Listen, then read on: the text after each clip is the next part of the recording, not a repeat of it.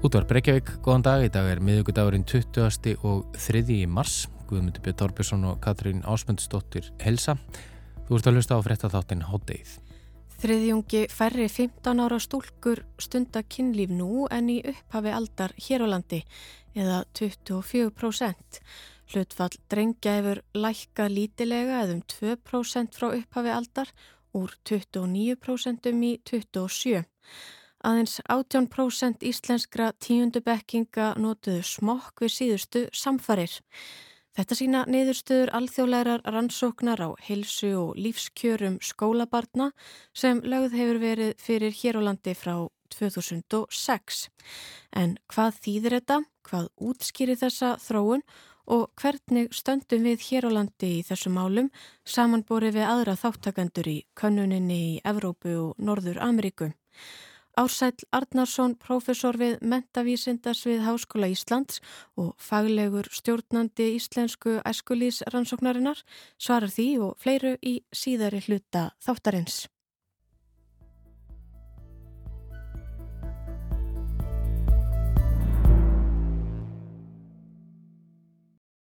En við byrjum á stríðinu í Ukrænu og í dag ætlum við að fjalla um kjarna og geriðingavopn en Vladimir Putin, Rúslandsfósiti, saði nýverið að hann veri búin að virkja kjarnorku flótasinn og setja hann í viðbrags En hverjar eru líkurnar á því að gripið verði til gjöriðingu opna í stríðinu í Úkrænu? Er kjarnorku sprengja það sama og kjarnorku sprengja? Og hversu öflug þarf sprengja að vera til þess að hann flokkist sem geriðingu opn? Hingað komin Gunnar Hrafn Jónsson, bladamöður, velkomin Gunnar. Takk. Ég rætti við Friðrik Jónsson, öryggis og vartamálafræðing fyrir nokkrum vikum síðan, ég reyndar að rætti við hann líka í gær hefði í hátteginu en um annað. En þá rætti við um kjarnavopn og, og, og hættuna á kjarnorku styrjöld e, þar sagðan mér meðal annars að, að þessar einu kjarnorksprengjur sem hafa verið notaður í ernaði e, og, voru, voru, e, og sprengdu í loft upp Hiroshima og Nagasaki í síðri heimstyrjöld það er séu ekkert með við þær sprengjur sem, sem til eru í dag Nei, það sem gerist er að þróunin verður alltaf til uh, með árónum að, að sjá hversu langt er þetta ganga.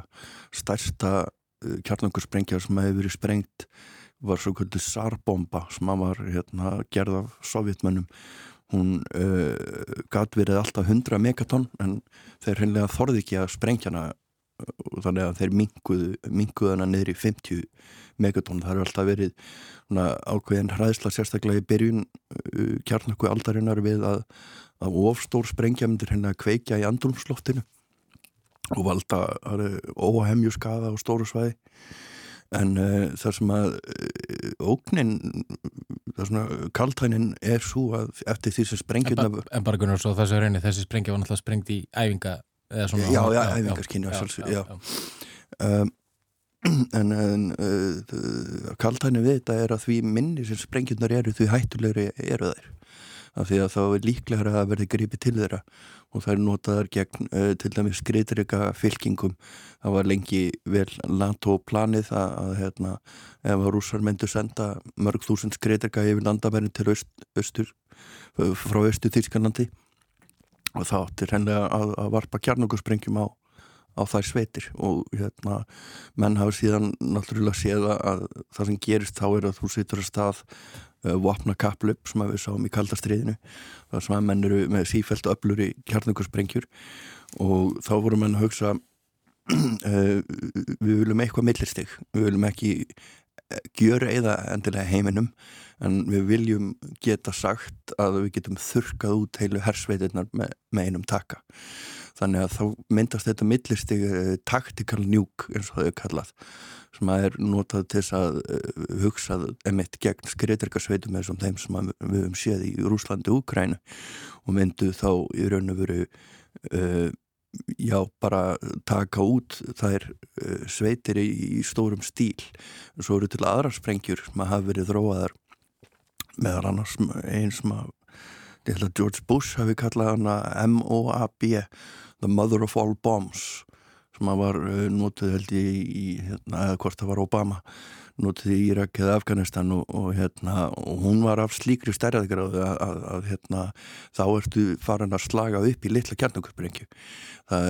Hún er aukstuð þannig að, að hérna, hún grefur sér ofan í jörðuna og springur upp sagt, þannig að allt sem er undir gjör eðilegst.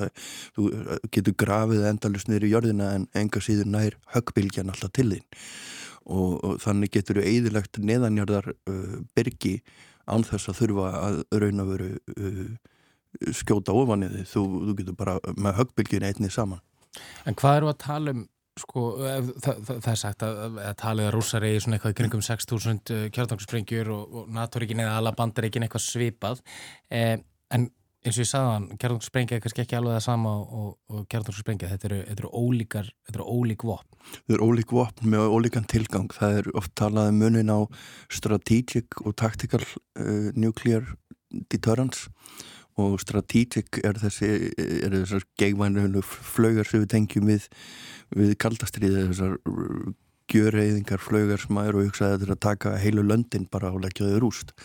En svo ertu með þessar taktikar nukes og options sem að flestir kjarnungu sérfræðingar eru hrættari við af því að það er minni uh, hvað segir mér á íslensku minni barjar, minni, minni hömlur á því að, nota slík vopn og þau eru farin að nota hluti eins og thermobarísk vopn sem eru eru gríðarlega, gríðarlega öflugvopn. Það, það, það sem gerist með þeim er að þá dreifir gasi yfir stórt svæði og sem að kannski einhvern tíma lendi í slisi með kveiti eða eitthvað slikt vita að þú dreifir sagt, mjög fínu efni yfir mjög stórt svæði og kveikir í því þá myndast alveg gríðarlega sprenging. Þetta hefur gerst í, hér á landi með annars í slisum í, í hérna, uh, kortgeimslum og uh, þannig uh, er hægt að í raun og veru framkalla sprengingu sem er af stærðagráði á við litla kjarnungusprengju og þá spyrir maður sig hver er, hver er það orðin munurinn? Er, er við bara að tala um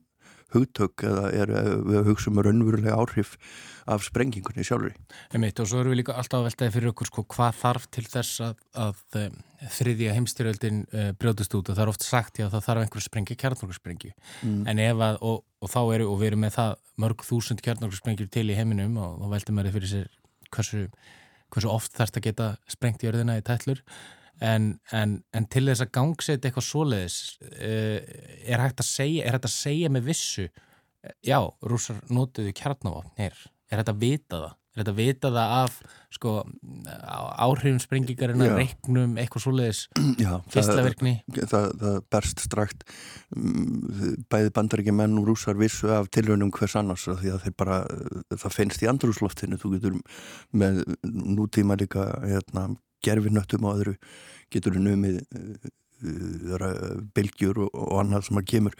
Það er engilega að sprengja kjarningu sprengja á þess að á þess að vita það eins og Norðurkóru menn komust meðal hann að. Sað og það var að vísa aðeins deilt um, um, um hversu, hversu öllu hún var en uh, enga síður þar sást á mælum að, að þarna sprakk kjarnökksprengja í, í, í samtali mínu við Frýður Gjónsson í gær þá, þá sagði hann að, að það sem hann ótaðist eh, er að þeirra hernaður rúsa að fara að ganga verð þá fara þeirra að gripa til skjálfilegri vopna og skjálfilegri aðferða.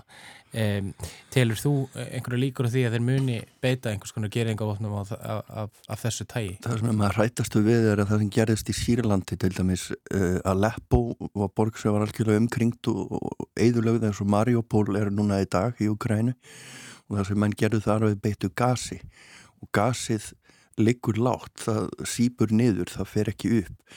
Og það fer ofan í byrgin þar sem fólki er að fela sig og er að verja sig fyrir sprengjónum. Þannig að ef að efnavopn eruð notuð að þá uh, myndi það vera gegn slíkum uh, göngum eða, eða jarðgöngum þar sem fólk er að leita skjóls og það, það er náttúrulega bara óögnarlega tilhugsun. Emitt. Kæra þakki fyrir komin í hátæðið Gunnar Njónsson. Við komumst ekki lengra í beili og vonum að sjálfsögða ekkert af því sem við rættum um hér rætist.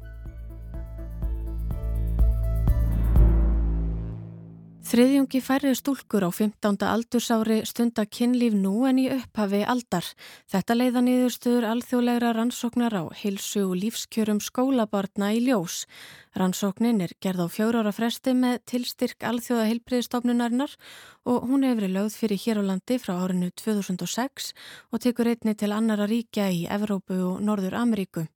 Spurtur út í alls konar þætti í lífum ungs fólks á borði tengslu foreldra og vini, mataræði, reyfingu, tómstundastarf og kynhegðun. Samkvæmt nýjustu niðurstöðum stunda 24% íslenskra stúlkna kynlíf en hlutfallið var 36% árið 2006. 27% stráka stunda kynlíf í tíunda bekk en þeir voru 29% árið 2006. Hlutfall stelpnana hefur þannig lækkað um þriðjung og hlutfall strákana aðeins lítilega. Þótt þróunin sé svo sama í öðrum samanbörðalöndum er hlutfallið hér á landi herra. Samkvæmt nýjustu konnuninni hefur einn af hverjum fjórum 15 ára drengjum stundað kynlíf eða um 24% og ein af hverjum 6 stúlkum eða 14% í Evrópu og Norður Ameríku. Heldar hlutfalli var 19% og lækkaði aðeins á milli kannana og hefur lækkað úr 27% í 19 frá árinu 2006. En hvað segja þessar tölur okkur? Hvað segja þær okkur um hver, hvernig við hér á landi stöndum í samanbyrði við nágrannaríkin? Hvað er á bakvið minkandi smokkanótkun eða minna kynlíf meðal ungmenna og hvernig ber að tólka þá þróun? Við bárum það undir Ársæl Arnarsson, profesor við Mentavísindasvið Háskóla Íslands og faglegan stjórnanda íslensku æskulísrannsóknarinnar.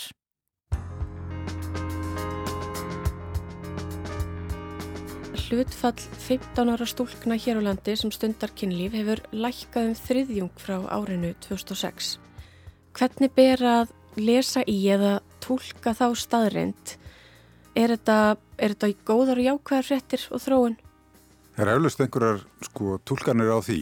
Mena, kynlíf er auðvitað bara hérna, mjög eðlu hluti sem kemur í kjálfar kynþróskans og og þetta er mjög mikilvægur þáttur í, í sálarlífi einstaklingsins og hans líkamlegu þroska og, og svo framvegist. Þannig að þetta er, kynlífi er auðvitað mjög jákvægt og, og það, það er auðvitað að, að hefjast á þessum árum. Mm -hmm. En ég myndi almennt halda að þetta veri jákvæð þróun. Þarna eru stelpunar bara komnar á sama level og strákarnir í þessum aldursópi Og þetta eru auðvitað talsveru fjöldi af krökkun sem er farin að stunda kynlíf í tíundabæk en ég held að það sem við erum kannski að sjá er að þessi miklu fjöldi stelpna sem, að, sem að var byrjaður á þessum aldri það held ég að hafi að einhverju leiti skýsta því að eldri strákar voru að, að svona sækja í þennan hóp sem ég held að sé ekki jákvægt og, og ég held að það hefði dreyið úr því og, og það held ég að sé bara gott. Mm -hmm. Og þú talar um aðrar mögulegar ástæður fyrir því að verum að sjá þessa þróun gerast. Já, það eru auðvitað þessi samdráttur í áfengisnótkun sem ég held að, að skipti svolítið miklu máli í þessu sambandi. Það eru auðvitað þannig að mjög margir upplifa sína fyrstu kynlíf reynslu undir áhrifum Og við sjáum það náttúrulega að undanfjörðum árum hefur dreyið mjög mikið úr áfengisnótkun úlinga og ég held að það skýri að stórum hluta þessa þróun. Þannig að það eru kannski færri að taka þá ákverðun að einhvern veginn stíga þetta skref, byrja stunda kynlíf undir áhrifum áfengis. Já, maður eru auðvitað áfengir náttúrulega sviftir mann svolítið hömlónum og maður tekur ekki alltaf svona mjög ígrundar ákvarðanir. Þannig að ég held að þetta sé að, að stórun hluta það. Ég held að, að fólk hafi rosalega áhugir af því að það hafi verið COVID-faraldurinn einhvern veginn sem hafi, hafi valdið þessu, þessari þróun en þetta er þróun í raun og veru sem við sáum lunga áður en að sá faraldur hófst. En vitu við eitthvað hvað útskýrir þessa minni áfengisneislu með lungumenna? Að stórun hluta er það svona meira eftirlit foreldra að foreldrar í dag vita miklu fyrir ekkar hvar börnin eru með hverjum og svo framhegis það hefur líka orðið svona hugarfars breyting hér áður fyrir þóttu það ekkert merkilegt þó að krakkar væru farnir að drekka 12 ára, jáfnvel 14 ára öruglega og það var mikið um það að, að, að krakkar væru bara eftirlitslausir jafnvel á, á skemmtistöðum eða á hallarisplanu henni hérna galnata og sveitaballum og, og svo framvegis þar sem við voru auðvitað í kringum mikið áfengi og mikið og það var mjög auðvelt að ná sér í áfengi. Þetta hefur breyst, við náttúrulega sjáum að þetta er bara bull, þú getur ekkert verið með unga krakka eftirlitslausan og, og kannski blindfullan einhver starf út í bæ. Það er enginn sem að guttirar það lengur. Heldur þú að menningin spili á einhvern nátt þannig að það sé minna, minna kúl að drekka í dag? Já, ég held það það eru auðvitað verið mikil fræðisla og, og ég held að krökkum þykjaði ekki eins eðlilegt að vera að byrja að, að drekka og þeir liggur ekki eins mikið á. Ég held að það sé kannski svona með þessa kynnslóð núna að þeim liggur ekki eins mikið á. Getur samt verið að eitthvað annað kom í staðin fyrir áfengið? Áttu við kannabis eða einhver þess að það er? Já, við skoðum það hérna að því að það var náttúrulega það sem er heyrði alltaf þegar við vorum að tala um þessar sko, áfengistölur okkar sem við erum búin að vera að tala um í mörg mörg ára að já, það er, það er vegna þess að krakkarnar eru allir fellnar að reykja kannabis. Það hefur ekki breyst. Það eru jafn stór hluti, það er um 10% krakka í tíundabæk sem hefur prófað kannabis og það hefur verið bara svoleiðis í síðustu 30 ár það eru 10% sem hafa prófað hins vegar þá er það þannig að þeir krakkar sem eru byrjaðir að nota kannabis þeir eru að nota það oftar og, og í stærri skömmtum heldur en hér áður fyrr. Þannig að það, það er svona ákveðin ástæða fyrir því að þessi kannabisumræða kemur upp og það er vegna þess að, að það er harðari nýsla mm -hmm. en, en það er alls ekki fleiri sem er að nota.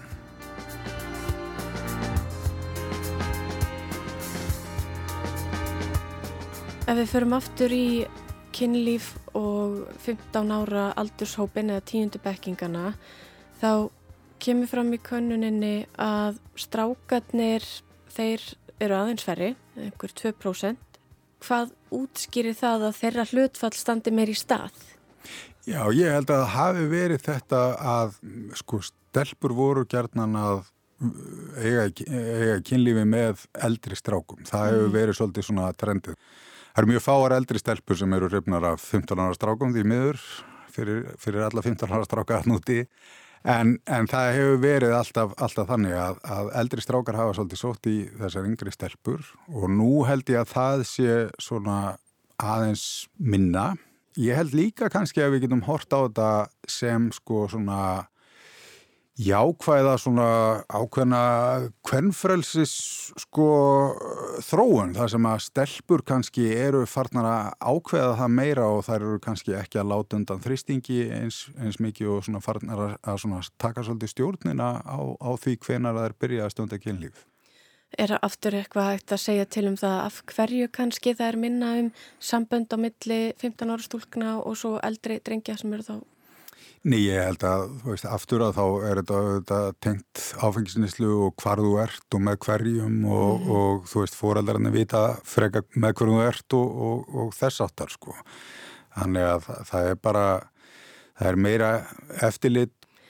Heldur að svona byltingar eins og MeToo geti spilað eitthvað inn í að ungmenni séu jafnvel svona meðvitaðri um uh, mörg um aldursmun og þess aftar um áfengisneislu hvenar einhver getur samþygt að sofa hjá og tekið það ákverðin og hvenar ekki í rauninni? Ég ætla að vona það. Hens frábæru þessi þróun er búin að vera síðustu ár að þá til dæmis sko eru við ekki að mæla mingun í kynferðislu árið eða kynferðislu mm -hmm. ofbeldi í þessum aldurshóp því miður. Þannig að ég ætla að vona að, að þetta sé upphafið að einhverju, einhverju breytingu en er ekki, við erum ekki farin að pikka það upp.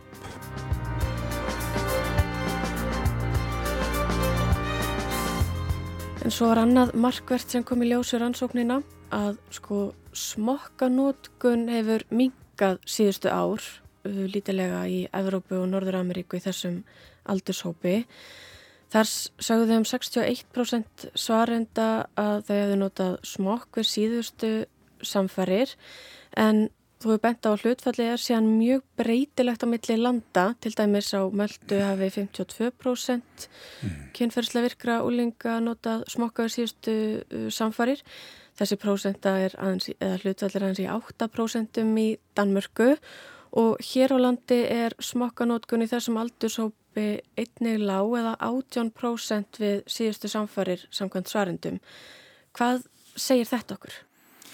Þetta eru ekki góða frettir og þetta eru í raun og veru frettir sem við erum búin að vera að segja í mörg mörg ár að smokka nótkun hér á landi er allt og lág hjá þessum aldursóp sem er að fikra sig í fyrstu skrefin og við sjáum þetta náttúrulega líka sko, þetta er ekki bara einhverja mælingar sem við erum að sjá svo, þú veist, getum við flett upp í skýslum frá Þórólu Guðnarsinni sem að hefur, eh, var að, að skoða þetta og hann fór í annað að tíðinni kynnsjúdóma á Íslandi er alveg skjálfilega há Veist, við erum með hæstu löndum, hvað var það, klamidíu, leganda tilfellum hefur, hefur fjölgað, HVF smitum hefur fjölgað, þannig að þarna stöndu við virkilega illa. Tengist þetta heldur eitthvað okkar menningu, hvernig viðhorfið er til smokka eða kynlífs, um, meðvitundum kynnsjóttoma eða jafnvel sko að við sem að nota annars konar getnavarnir og þá sé kannski þörfin fyrir smokk eða vörn, einu vörnina gegn kynsjúkdóm í rauninni ekki talin eins mikilvæg. Ég held að það sé alveg rétt. Ég, sko, ég held að flesti sé að nota getnavarnir til að koma í auk fyrir getnað. Þeir horfa ekki á sko, kynsjúkdóma hlutan aðeins og það er aðalega þessi, þessi getnavarnar hluti og þá verðum við að horfa til þess að fullt af stelpum hér á landi eru til dæmis á pillunni bara til þess að koma reglu á blæðingar og þannig eru þær, eru þær varðar en ég held að uh, við þurfum samt að, að sko gera betur og og það eru þetta í sko, við getum sé, séð þetta bara í sko hvað skilabóð þessi krakkar er að sjá, þú veist, horfum á einhverja sko romantískar hérna myndir, við erum alltaf að tala um djöblast í kláminu sem er náttúrulega mjög, mjög hættulegt, en, en sko romantískar kvikmyndir, skilur, mm. -hmm. hvernig er kynlíf sínt þar, hversu oft eru teknir upp smokkar í, í ástaratriðum í kvikmyndum, það er aldrei gert, næstum því Ef að það er gert, þá er það alltaf til þess að sína vandræðalegt kynlífi, ekki satt. Þannig að sko skilabóðin til krakka og ungsfólk sem er að, að, að hefja þessa vegferði er alltaf þannig að smokkurinn er einhvern veginn bara það sem einhverju lúðar sko nota og þetta eru mjög hættuleg skilabóð og ég held að við þurfum að, að imprenta það inn í krakkan okkar að, að alveg eins og kynlíf er ekki eins og í klámi að þá er, að, er kynlíf heldur ekki eins og það er í sko romantískum ástasenum í einhverjum bíómyndum sko. það er ekki þannig og maður þarf að vera standa svolítið á sínu. Það er mikilvægt að sko vera með hausinlegi það er sem er betra að vera ófullur og standa svolítið á sínu og, og, og það eru auðvitað þetta sem að maður verður að líka segja krökkunum sko, að, veist, maður þarf auðvitað bara að vera búin að æfa sér svolítið áður en að þessu kemur og, og líka bara vera tilbúin í það að, að hafa svolítið húmor fyrir þessu. Mm -hmm, hafa gaman. Já. Þetta var doktor Ársæl Arnarsson, professor við Mentavísendars við Háskóla Íslands og faglegur stjórnandi íslensku æskulisrannsóknarinnar en hátegi verður þá ekki lengra í dag. Við verðum hér aftur á sama tíma á morgun. Þátturinn reytni aðgengilegur í spilarannum og hlaðvarps veitum. Verðiði sæl.